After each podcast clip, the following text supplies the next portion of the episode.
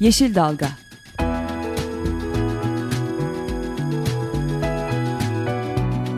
Çevre mücadeleleri üzerine.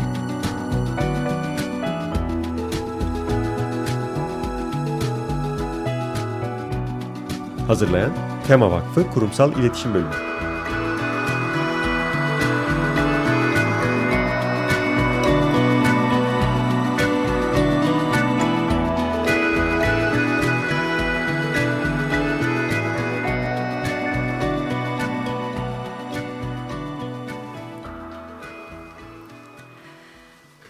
Sevgili dinleyiciler. Ee, Yeşil Dalga'nın yeni programına hoş geldiniz. Aslında bildiğiniz gibi e, bu hafta Açık Radyo'nun e, yeni yayın dönemi başladı. 38. yayın dönemi başladı.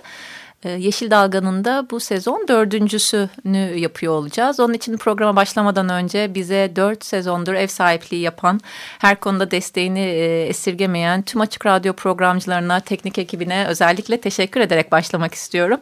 Çünkü hakikaten Tema Vakfı olarak bize bu fırsatı sundular. Ee, biz de elimizden geldiğince yerelde olsun, bölgesel ve ulusal olsun çeşitli çevre mücadelelerine e, değinmek, bunlarla ilgili olarak bunları gündeme taşımak ve e, dinleyicilerimizle paylaşmaya e, paylaşma amacıyla yola çıktık. İlk başladığımız zaman dördüncü sezona devam edebileceğimizi düşünmüyorduk. Onun için e, hakikaten e, buralara gelebilmek beni özellikle çok memnun ediyor. Bugün programı yalnız sunuyorum. Özgüler'den mutlu ben bu arada. Genel programımızın e, devam, daimi programcısından Gökşen Şahin e, ve Esra Yazıcı e, sahadalar. Konya Karapınar'da ve Karaman'da bizim bir projemizle ilgili olarak saha çalışması yürütüyorlar. Ama aslında yalnız değilim. Bugün hem programımın e, konuğunu birazdan bahsedeceğim, tanıtacağım. Alper Dalkılıç'la birlikte olacağız. Ama o kendisi aynı zamanda tema gönüllüsü de olduğu için e, bana da e, sunma, programı birlikte yürütme konusunda arkadaş olacak, yardımcı olacak. E, Alper Dalkılıç'la sohbetimize geçmeden önce e, Yeşil Dalga'da yaptığımız gibi bu haftanın e, öne çıkan haberlerinden e, kısaca bahsedip ondan sonra e, haftanın konusuna geçeceğim. Ee, ilk haberimiz Kurşunlu Köyü'ndeki madenle ilgili olarak yerelde halkın yürüttüğü mücadele e, mücadeleden bahsetmek istiyorum. Ee, Çanakkale'nin Bayramiç ilçesinde Feldspat madeni, Feldspat ocağı yapılması, Feldspat madeni çıkarılması e, yüzünden e, köylülerin bu olaya tepkisi vardı ve uzun süren bir mücadele vardı. Bundan kısaca bahsetmek istiyorum. Bir de biliyorsunuz Çanakkale'miz bu nadide bölgemiz maalesef hep böyle madenlerle ilgili olarak da çok fazla gündeme geliyor. Burada hakikaten altın madeni başta olmak üzere farklı yerlerinde maden şirketlerinin e, yürüttüğü çalışmalar e, yerelde halkın mücadelesine rağmen e, devam ediyor. E, Bayramiç'teki, Bayramiç'in Kurşunlu köyündeki bu feldspat madeniyle ilgili olarak köylüler e, uzun süredir mücadele ediyorlardı ama özellikle e, ağaçların kesilmesi e, kesil yani böyle kendilerine çok yakın köylerine çok yakın 100 metre kadar yakınlıktaki bölgede ağaçların kesilmesiyle e, yeni bir eylem başlattılar. E, çadırını al da gel, çadırını al kurşunluya gel diyerek e, diğer çevreden de e, mücadelelerine yardım destek beklentisi içindeler. E, hakikaten e, Kurşunlu köyündeki e, mücadelede e, en önemli yani en çok gündeme gelen konulardan bir tanesi de bu ÇED süreciyle ilgili olan e, durum. ÇED gerekli değildir kararının verilmiş olması e, maden bölgede yapılan bu feldspat madeniyle ilgili çalışmaların da önünü çok daha kolaylaştırmış oldu. E, ve e, bu bölgede hem e, doğal anlamda doğal varlıklarla ilgili olarak e, zarar görecek e, ağaçlar başta olmak üzere bölgede, bölgede zarar gel, zarar görecek konuların dışında bir de antik kentin kıyısında olması e, söz konusu. Dolayısıyla e, çadır, Kurşunlu köyünün çadırını al da e, Kurşunlu'ya gel mücadelesine destek olmak için e, sizler de e, web, web sitesinden Facebook üzerinden girerek e, konu hakkında bilgi edinebilir. Oraya küçük de olsa bir e, destek verebilirsiniz. İkinci olarak bahsetmek istediğim konu da e, radyoaktif atıklarla ilgili olarak gündeme gelen İzmir'in Gaziemir ilçesine ait.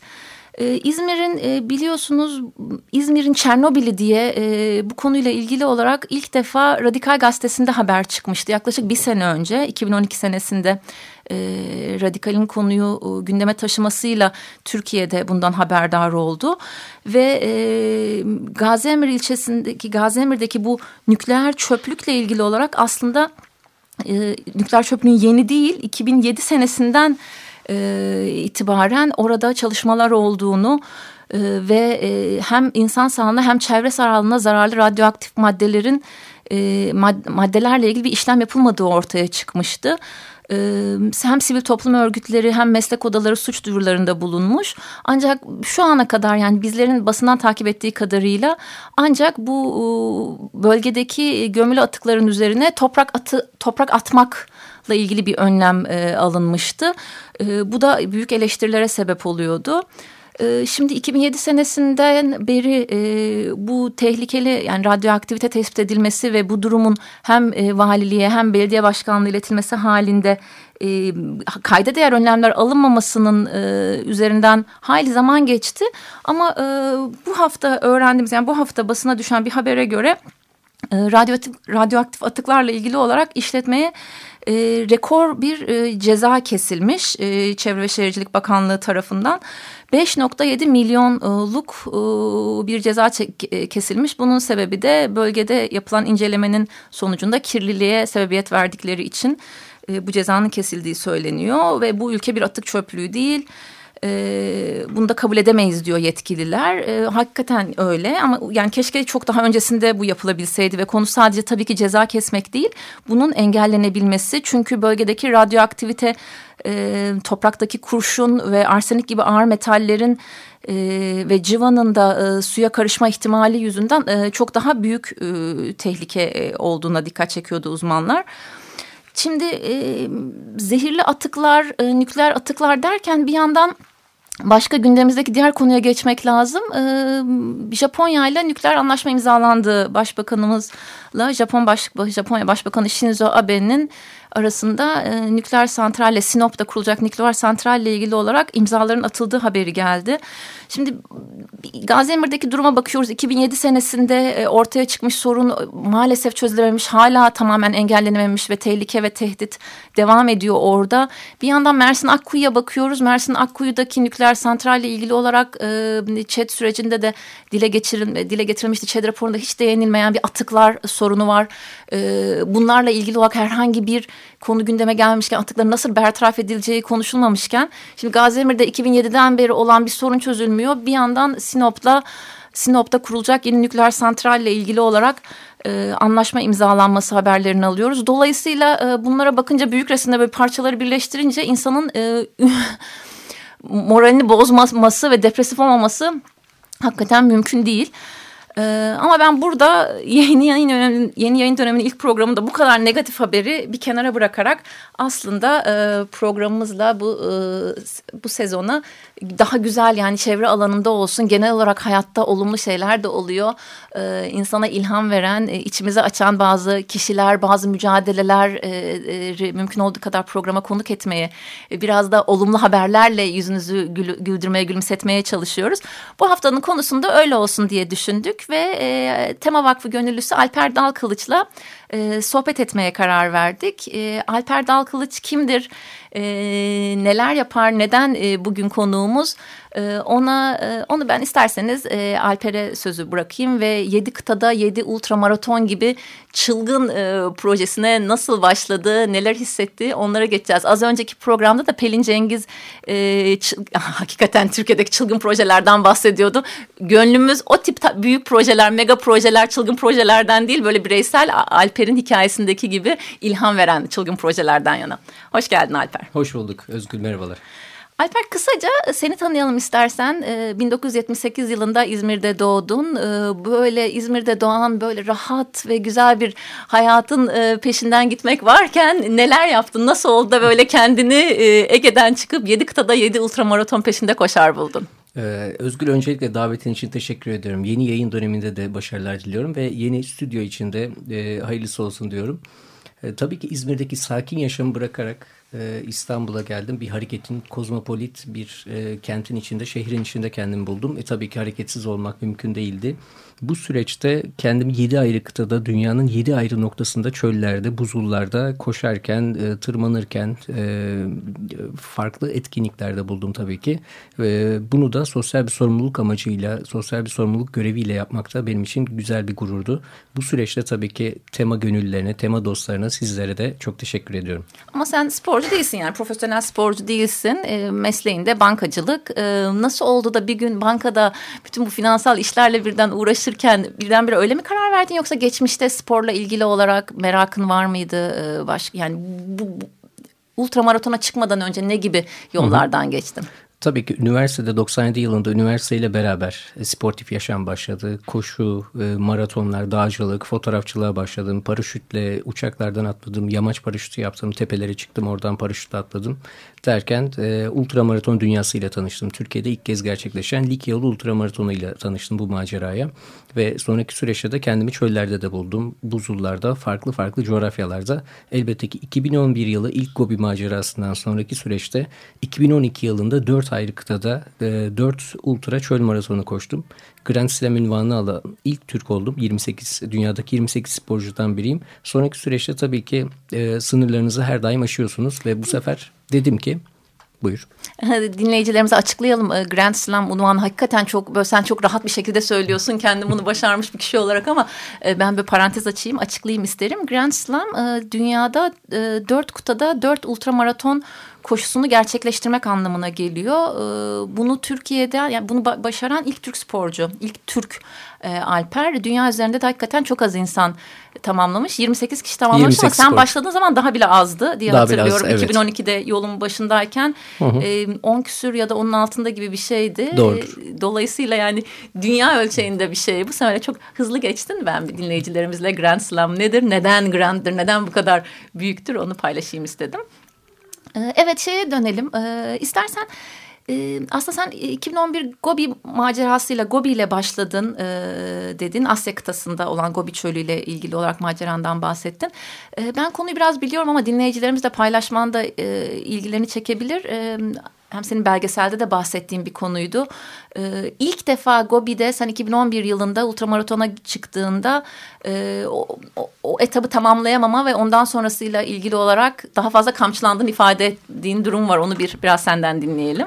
Doğrudur. 2011 yılında Gobi'ye gittiğimde 200 kilometre boyunca sıcakla her şeyle mücadele ettik. Gerektiğinde diğer yarışmacılara da destek olduk ama sonraki süreçte baktım ki ben devam edemeyeceğim. Aşırı sıcaktan dolayı çok fazla rahatsız oldum. Ve dedim ki artık e, buraya kadar Gobi ile olan maceram buraya kadar bitiyor. Ancak Eksi Artı isimli filmde de paylaştım. Dört kıtadaki çektiğim görüntülerden oluşan bir film. E, onda diyorum ki bir yıl sonra tekrar geleceğim buraya diyorum. Ve e, gerçekten bir yıl sonra Atakama Çölü ile macera tekrar başlıyor. Dört ayrı kıtadaki maceraya tekrar adım atıyorum. Gobi'ye ikinci kez tekrar gittiğimde diyorum ki Gobi'ye acaba bu sefer beni kabul edecek misin? Ayrı bir heyecan var tabii ki. E, onu da başardıktan sonra devamı da geliyor. Biz e, bu arada Alper'in e, ultramaratonlarda koştuğu süre boyunca kendisi hep internet üzerinden blogunda bazen Facebook'ta deneyimlerini paylaşıyor. Biz de onun takipçileri, onun dostları olarak maratonlar boyunca e, deneyimlerini okuyorduk. Ben İzlanda zamanı yazdığım bir şeylerden bir para, yani çok kısa bir cümleyi paylaşmak istiyorum. E, orada da e, Alper İzlanda'dayken yazarken bizimle paylaşırken deneyimlerini e, tam e, koşuyu bırakmak üzere olan bir kişiye rastlıyorsun ve onunla aranda bir sohbet geçiyor. Ondan sonrası o konuyla ilgili olarak yazdığın yorumu okumak istiyorum. Belki sen şu anda unutmuşsundur bile ben programdan önce de sana söylemedim ama e, hakikaten çok etkilenmiştim okurken. Şöyle yazmıştın blogunda. Kendi ülkende değil ama başka topraklarda, kıtalarda bırakmanın ne demek olduğunu benden iyi anlayan yoktur. Bırakmak da ayrı bir cesaret örneği. Ve bu cesareti gösterememek için insanlar katılım cesareti bile gösteremiyorlar. Sağlık olsun. Çöller, ultramaratonlar ve dağlar her daim bekliyor. Bunu okuduğum ilk zaman inan tüylerim ürpermişti. Çünkü hakikaten orada hem ondan da bahset istersen İzlanda'da o tam koşu bırakmak üzere olan kişiyle sen sohbet etmenin ötesinde arkasında bunu yazmışsın ama hakikaten bunu diyebilmek filminde de anlatıyorsun onu bırakmak ve bu cesareti gösterebilmek, bırakmanın da e, ne kadar önemli olabildiğini ve tekrar dönebilmek gerçekten çok e, çok büyük cesaret isteyen bir şey ve bunu yapabildiğin için de seni ayrıca tebrik ediyorum ve e, bir kere daha böyle anlamaya çalışıyorum. Çok teşekkür gerçekten. Ee, sen okurken dedim ki acaba İzlanda'da gerçekten ne yazdım? O anki heyecanlarla her gün blokları yazmak gerçekten müthiş anılar. Ee, bırakmanın ne demek olduğunu gerçekten e, yaşayan biri olarak çok iyi anlıyorum ve hiçbir zaman unutmuyorum. Ne zaman ki bu Büyük Kanyon'da da son kıtada da karşıma çıktı. Avusturyalı bir sporcu bıraktı ve yanına gittiğimde E, aynen bunları söyledim. Gobi'de 200 kilometre sonra ben de bıraktım ve gerçekten e, bu bir senin için iyi bir başlangıç olacak. Çok güzel bir deneyim. Hayat boyu bunu unutmayacaksın dedim. Ve çevredeki insanlar da devamlı bir şeyler soruyorlardı. O anı çok iyi biliyorum ve onu direkt o ortamdan sıyrılarak direkt çadırına götürdüm. Ve e, o da bana teşekkür etti ve daha sonraki süreçte de ertesi gün daha taze bir şekilde uyanmıştı. Ve şu an onu takip ediyorum. Yeni bir hedefe odaklanmış vaziyette tekrar hedefine doğru koşuyor. Devam ediyor. Hala vazgeçmiş değil. Ne kadar güzel bunu duymak. Bu arada yollarda o ıssızlıkta, o sessizlikte e, sana zaman zaman bazı şarkılar eşlik etti biliyorum. Bazen e, senin çok değer verdiğin, e, önem verdiğin e, kişilerin sana yolladığı ses kayıtları onlardan bahsediyorsun filminde. Ondan dolayı biliyorum eksi artıda. E, istersen şimdi e, şarkı anonsumuzu sana bırakayım. Neden önemli buldun ya da sevdiğin bir şarkıyı e, sen e, anons et onu dinleyelim. Ya birazdan Coldplay'den e, La Viva Vida parçasını dinleyeceğiz. E, bu parçanın benim için önemi şu. E, bıraktığım Gobi Çölü'nün videosu hazırlanmıştı. E, Gold, Coldplay e, müziği çalıyordu. Bu parça çalıyordu ve sonraki süreçte de Coldplay'de benim dostum oldu. Bu arada Erdinç'e de teşekkür ediyorum. Her çöl boyunca, ultra maraton boyunca bana müzikleriyle destek oldu gerçekten. Ses kayıtları yanında bunlar da çok önemliydi. Şimdi bu parçayı dinleyebilirsiniz.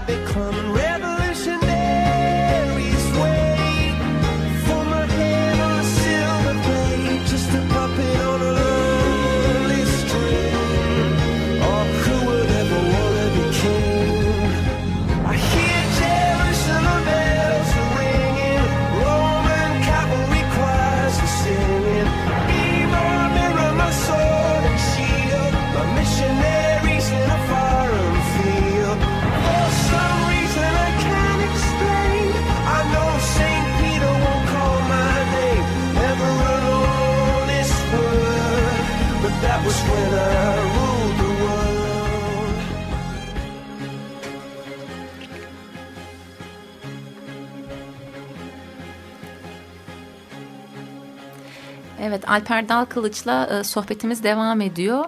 Alper Dal Kılıç 2012 senesinde çöllerde koşalım ama çöllerde yaşamayalım sloganıyla dört kıtada dört ultramaraton koştu.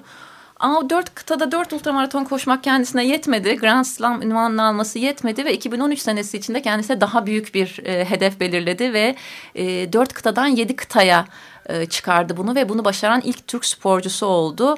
Ee, Alper istersen e, ben şu hangi kıtalarda koştuğunu bir hızlıca söyleyeyim. E, ondan sonra sana bir iki sorum daha olacak.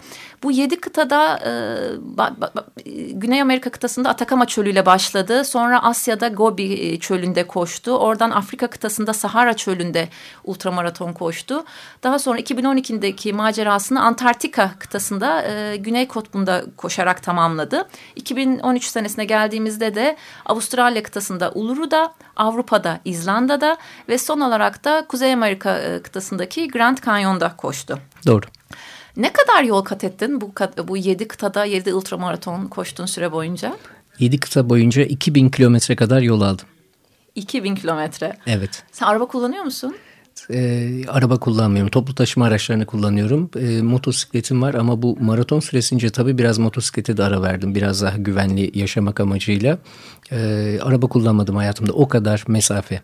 Onu merak kilometre. ediyordum yani o kadar araba kullanmış mısındır yani 2000 evet. kilometre hakikaten e, dile kolay. E, yeni hedefine yeni hedefine nasıl belirledin ve yani hemen 2012 bittikten sonra yani ne oluyor da sana böyle adrenalin şeyi mi vardır yani hemen 2013 ile ilgili bir de bunları yapayım şimdi bir de önde başka projeler başka şeyler de kafanda var hı hı. ve bu yolda e, nasıl yani hem profesyonel olarak çalışıp hem nasıl bu işleri yapabiliyorsun onunla ilgili olarak da bize biraz bilgi verir misin? Tabii ki şu an zaten ofisten e, izin alarak geldim buraya. E, Finans Bank'ta çalışıyorum ve bu iş yaşamıyla beraber sportif yaşam ve özel yaşamda bir şekilde üçgen şeklinde devam ediyor hayat. E, Grand Slam sonrasında elbette ki e, yeni yeni projeler kapıda bekliyordu ve sonraki süreçte şunu gördüm. E, Facebook'ta Gürkan Genç'le o da dünyayı dolaşan 7 kıtada bisiklet projesi olan bir çok başarılı bir sporcu. Ee, şu an yine yurt dışında devam ediyor. 7 sene sonra ülkeye dönecek ve bana dedi ki abi dedi ben de 7 kıtada pedallayacağım. Sen de 7 kıtada bunu yapan neden bir Türk sporcu olmayacaksın dedi. 7 kıtada 7 ultramaraton. Projeyi o şekilde genişletme kararı aldım ve ilk kez de e, bu sefer e, Avustralya'da 5. kıta olarak Avustralya'ya başladım.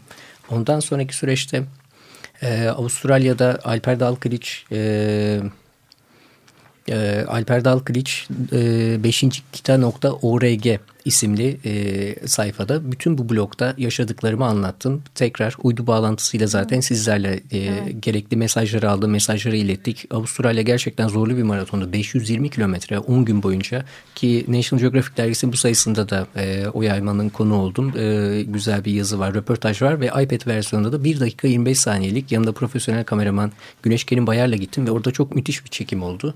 E, kısa bir video olarak da onu da iPad versiyonunda izleyebilir e, takipçiler takipçiler. Kasım sayısında mı? National Geographic'in Kasım National sayısında Geographic, paylaşıldı Evet mı? aynen Kasım sayısı. Dergide şu an yeni elime ulaştı zaten.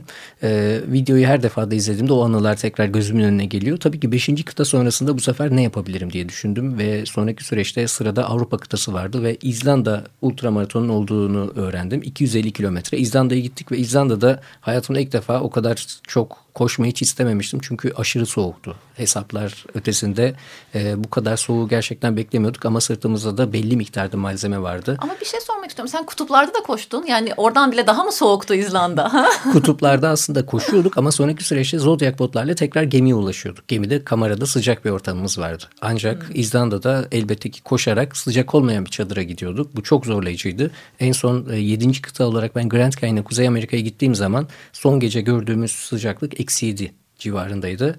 Eksi 7'de artık o sabahı nasıl bekledim bilemiyorum yani. Hani ertesi gün olsun da hadi koşalım. Ertesi günde 10 kilometre kadar koşumuz vardı. Yaklaşık 273 kilometre koştuk Kuzey Amerika'da ve e, yüksek irtifadaydı bu da gerçekten. Kanyon deyip de geçmemeli. Geceleri acayip soğuk oluyordu.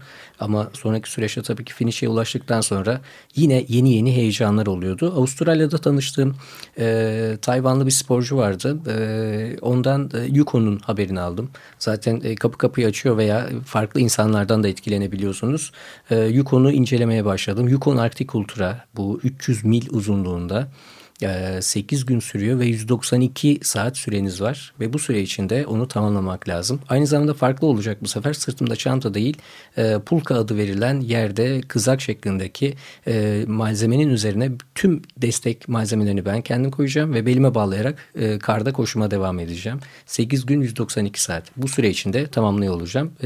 Umuyorum destek sponsor bulacağım ve bu faaliyette gerçekleştiriyor olacağım. İnanamıyorum. Peki bunu yaparken yani bunun şeyine ne denir antrenman antrenmanlarını nasıl yapacaksın? Hadi anladım ultramaratonları koşarken Belgrad'da koşuyorsunuz adım adımcı arkadaşlarınızla birlikte hani farklı coğrafyalarda koşuyorsun. Sırtında kızak çekerek koşmayı nasıl yapacaksın antrenmanını Alper anlat bize biraz. Şimdi e, diğer sporcuları da ben internetten de takip ettim. Antrenman görüntülerini de izledim. E, ki bunu zaten e, Kenyalı, Etiyopyalı sporcular da gerçekleştiriyor. E, bir araba lastiğini çekerek asfaltta antrenman yapıyorlar. Bu, bu tarz antrenmanlar var. Karda tabii ki ben e, daha öncesi dağcılık da yaptım. Eksi kırklarda daha farklı sıcaklık soğukluklarda tırmanışlar yaptım. Tekrar kış tırmanışlarına döneceğim ve kardaki yaşama tekrar merhaba diyeceğim. Yine beyaz dünya beni bekliyor aslında. E, zorluklar ama bir tarafı da hayatında aslında e, yemeğin nasıl ben baharatlı kısmını seviyorsam hayatında acılarıyla aslında güzel tarafı bu. E, tabii ki sadece bunu yapmıyorum. Yine tema yararına bunu gerçekleştiriyor olacağım. O da benim için önemli bir mutluluk aslında. Önemli bir faaliyet olacak ve geçen seneki Grand Slam tamamladığım Grand Slam dünyanın en zor 10 faaliyetinden bir tanesiydi. Yukon Arctic Ultra'da bu 10 faaliyetten ikincisi olacak benim için eğer tamamlayabilirsem tamamlayabileceğine hiç şüphem yok. Yani seni iki senedir tanıyan ve yedi kıtadaki o ultramaraton maceralarını takip eden birisi olarak biz gene ağzımız açık Alper bunu nasıl yapmış ne yapıyor şimdi iyi midir diye böyle kalp çarpıntılarıyla da bir yandan e, dinliyor ve merakla e, bloglarını okuyor olacağız. E, programı yavaş yavaş kapatacağız ama bir de senin projelerin uluslararası ultramaraton projelerin devam ederken bir de adım adım oluşumu içerisinde e, devam ediyorsun. O grupla birlikte koşuyorsun, yardımseverlik koşusu yapıyorsun. Bizim için e, yedi kıtada yedi ultramaraton koşarken Tema Vakfı'nın Meşeler Yuvarıyor e, kampanyasına destek olmuştun. Şimdi de başka bir proje var. İstersen onu duyurusunu da senden alalım. Ondan sonra da kapatalım Ee, Avrasya Maratonu'nda Dünyayı Kurtaran Adım projesi için koşuyor olacağım. Ve hatta Adım Adım grubuyla da tanışmak isteyenler için Adım Adım ORG web sayfasına bağlanabilirler. Bu hafta sonunda Cumartesi günü Belgrad Ormanı'nda müthiş bir koşu var, organizasyon. Ücretsiz, herkesin istediği şekilde katılabileceği bir organizasyon. Ee, orada da e, tanışmak üzere tüm dinleyiciler dinleyicilerimizi bekliyorum koşuya ve 17 Kasım'da da Avrasya Maratonu herkesi e, start çizgisine bekliyor olacağım. Teşekkür ediyoruz Alper'e programımıza katıldığı için. E, Avrasya Maratonu 17 Kasım'da başlıyor. Demin 17 e, Kasım'da koşuluyor olacak. Alper'in bahsettiği gibi e, henüz kaydolmadıysanız e, geç kayıt e, devam ediyor. Buna da maraton sayfasından ulaşabilirsiniz. E, bir programı daha sonuna geldik. Alper'e tekrar teşekkür ediyoruz. Haftaya teşekkür görüşmek ediyorum. üzere. Yeşil Dalga.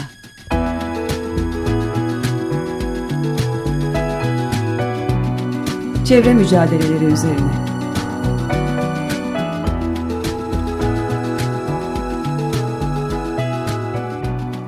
Hazırlayan Tema Vakfı Kurumsal İletişim Bölümü